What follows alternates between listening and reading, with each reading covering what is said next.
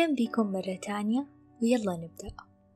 راح نتكلم اليوم عن الحرية المالية وراح يكون الطرح في البداية عبارة عن حديث عن الحرية المالية وبعدها راح نتكلم عن ما إذا كانت الوظائف فعلا هي عبودية هذا القرن. وبعدها راح نستعرض الإحصائيات ونناقش السلوكيات المساعدة. وفي النهاية راح نتكلم عن طريقة وضع خطة للوصول للهدف. وقبل ما أبدأ أحب أقول إنه هذا التسجيل موجه لكل شخص غير محبذ لخطة حياته المالية الآن وأسلوب حياته الحالي. أما كل شخص يشعر بالرضا تجاه تصرفاته الاقتصادية هذا التسجيل ما يقصد أي انتقاد أو خدش للصورة المثالية المحببة لشخص ما. وهو مجرد تفكير بصوت عالي وتدوين صوتي لأفكار حالية ربما تكون مفيدة لشخص آخر. الحرية المالية. لا أعتقد بوجود تعريف مناسب أو شامل بما يخص الحريات لكن رح نحاول نوصفها من عدة جوانب.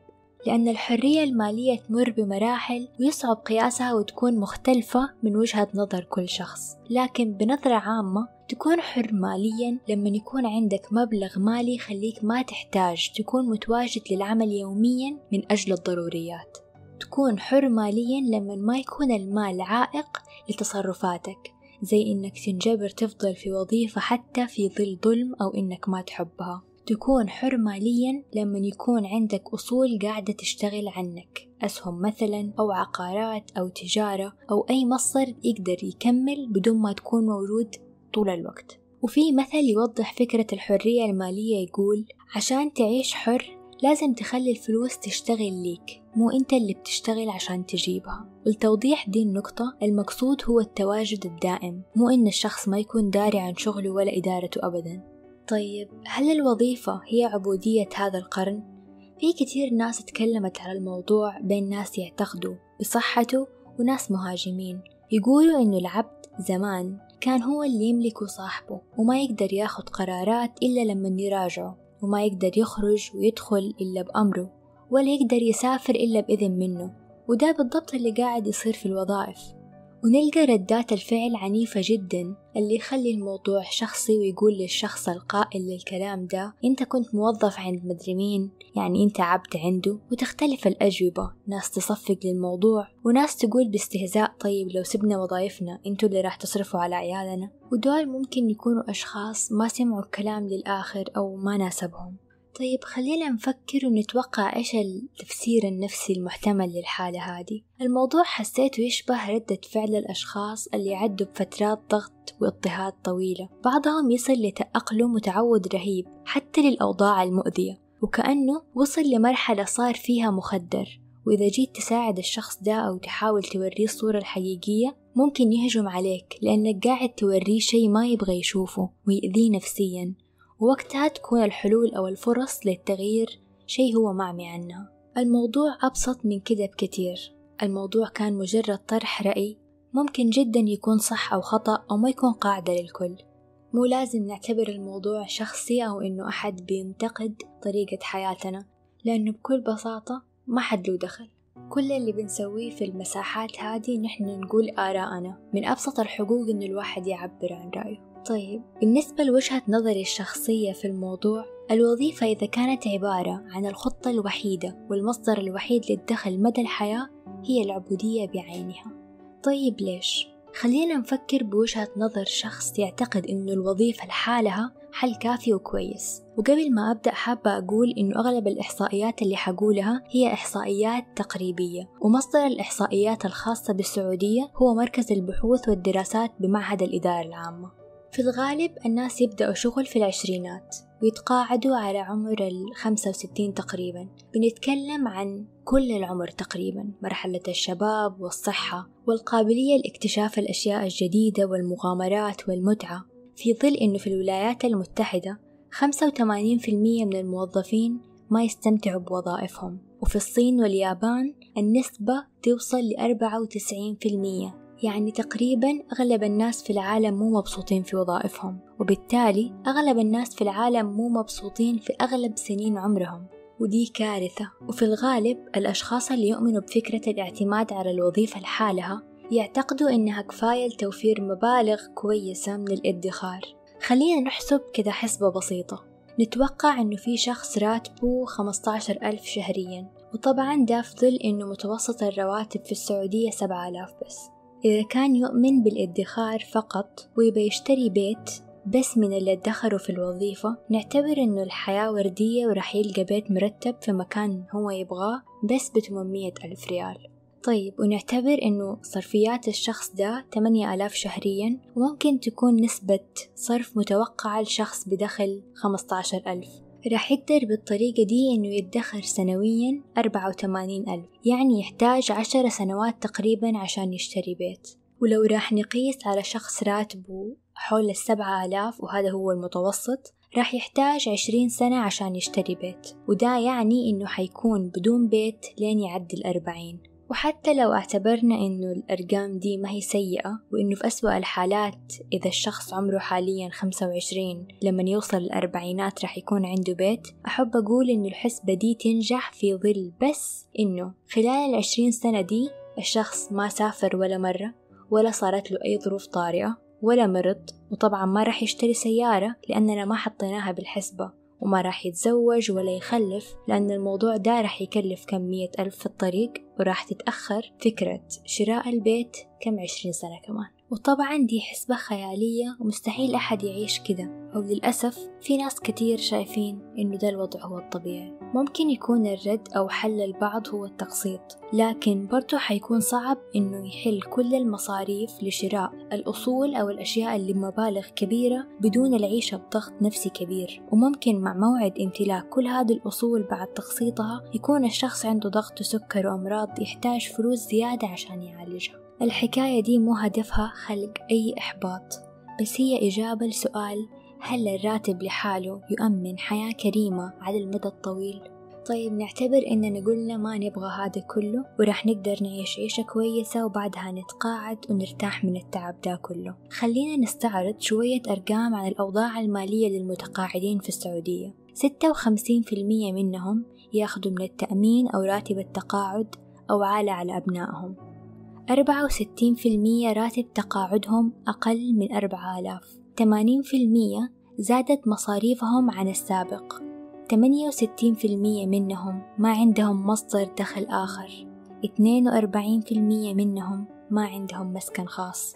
ستة وثمانين في المية يبحثوا بعد التقاعد عن وظيفة تانية. عشر في المية منهم مفلسين.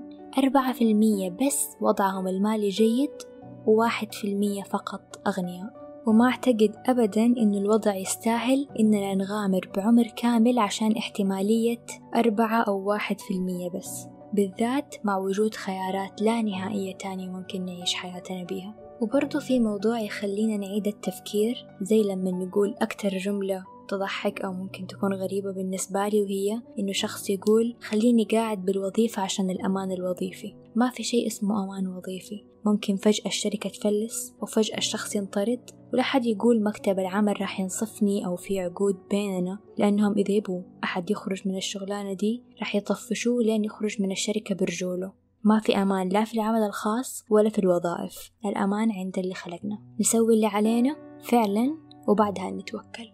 وإذا كملنا في الإحصائية اللي تقول إنه واحد في المية راح يكونوا أغنياء أصلا نسبة البشر اللي راح يعيشوا لين يوصلوا سن التقاعد أربعة وسبعين في المية بس. واللي راح يعيشوا لين تمانين سنة خمسة وستين في المية بس. يعني إذا تقاعدت وإنت خمسة وستين سنة احتمال تفضل عشرة أو أحد عشر سنة. ويعني حتى الواحد في المية الأغنياء بعد ما يتقاعدوا ما عندهم غير عشرة أحد عشر سنة تقريبا يعيشوا فيها قبل ما يموتوا. ده في ظل إنه سن التقاعد ما تمدد أكتر ويصير باقي لهم خمسة ولا ثلاث سنين بس يستمتعوا بيها بفلوسهم وبالراحة اللي ممكن يعيشوها.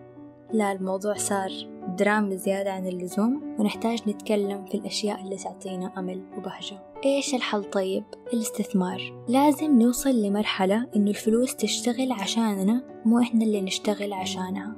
لما نصير كده رح نصير أحرار. الموضوع ما يصير في يوم وليلة وأصلا مو لازم يصير في يوم وليلة. في البداية لازم نحط أهداف لحياتنا ويكون من أهمها إننا نعيش مبسوطين ونكون خبرات وتجارب ونستمتع بالرحلة. الوظيفة ممكن تكون مرحلة مفيدة في الحياة لكسب الخبرات والعلاقات وفهم سوق العمل. خلالها نقدر نتعلم أشياء كتير زي ردات فعل الناس وقت النجاح والخسارة ونتعلم منها ونعرف إنه طريق النجاح فيه طلوع ونزول.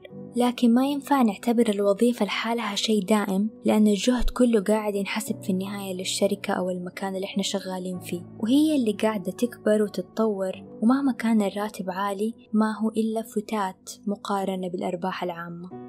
وده الشيء بكل بساطة ممكن نقيسه على المدارس الانترناشنال اللي الأطفال بيدفعوا فيها مبالغ مرة كبيرة وتلقوا رواتب المعلمات فيها ثلاثة آلاف. كل شخص يقدر يقيس هل راتبه كفاية على كل السنين اللي اجتهد فيها ودرس والساعات الطويلة في الشغل والتعب غير البال المشوش والأرق غير إذا كمان في إهانة في الشغل أو كان الشخص ما يحب اللي بيشتغله أصلا ومو متحمله إلا عشان الراتب. فتخيل إنك بتدفع حياتك كاملة مقابل دفع فواتير وشوية مصاريف وإنت شايف إنه المبلغ ما بيكفي أصلا. الموضوع مو دعوة لترك الوظائف لكن دعوة لصنع خطط طويلة الأمد. وبالنسبة للي يقول ورايا أطفال أدفع مصاريفهم كلنا نقدر نتفهم جدية الموضوع. لكن هل هي دي الحياة اللي كل أب يبى أولاده يكبروا هم يشوفوه فيها؟ ويكبروا عشان يصيروا تعساء زيه وتستمر الدائرة للأبد. ممكن ناخد مثال من كتاب الأب الغني والأب الفقير؟ كتاب لطيف وممكن أحط ال link في ال description للي يحب يقرأه. الأب الفقير راح يقول لولده ذاكر واجتهد عشان تتوظف بشركة كبيرة. لكن الأب الغني راح يقول لولده ذاكر وتعلم عشان تكبر وتنشئ شركة كبيرة وناجحة. الأب الفقير راح يعلم ولده كيف يعمل سيرة ذاتية ويعلمه كيف يكون علاقات ويلقى مكان يشتغل فيه. لكن الأب الغني راح يعلم ولده يعمل دراسة جدوى للمشاريع بشكل احترافي عشان يبدأ يفكر ويبدع بدون قيود من قبل التخرج.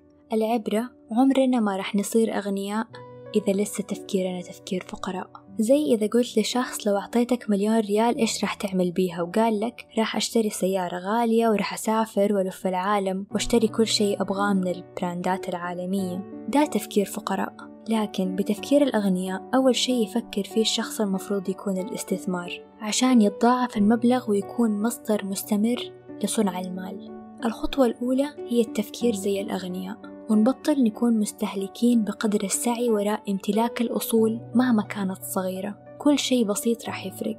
نحتاج نغير كل شيء حولنا. ونحيط نفسنا بناس كلامهم عن الإنجازات والأفكار والمشاريع المفيدة والممتعة واللي تحسسنا إننا فعلا عايشين. وكمان عمره فيديو ولا كتاب تجاري ولا بودكاست راح يقولك كيف تصير مليون بعد شهرين.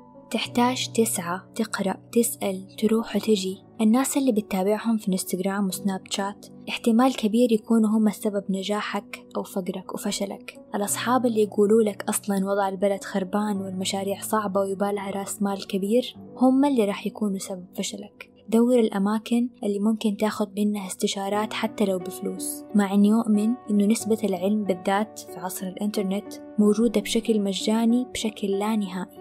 جرب تبحث باللغة الإنجليزية لأن المحتوى العربي قليل جدا وممكن يحصرك في نظرة معينة للأشياء.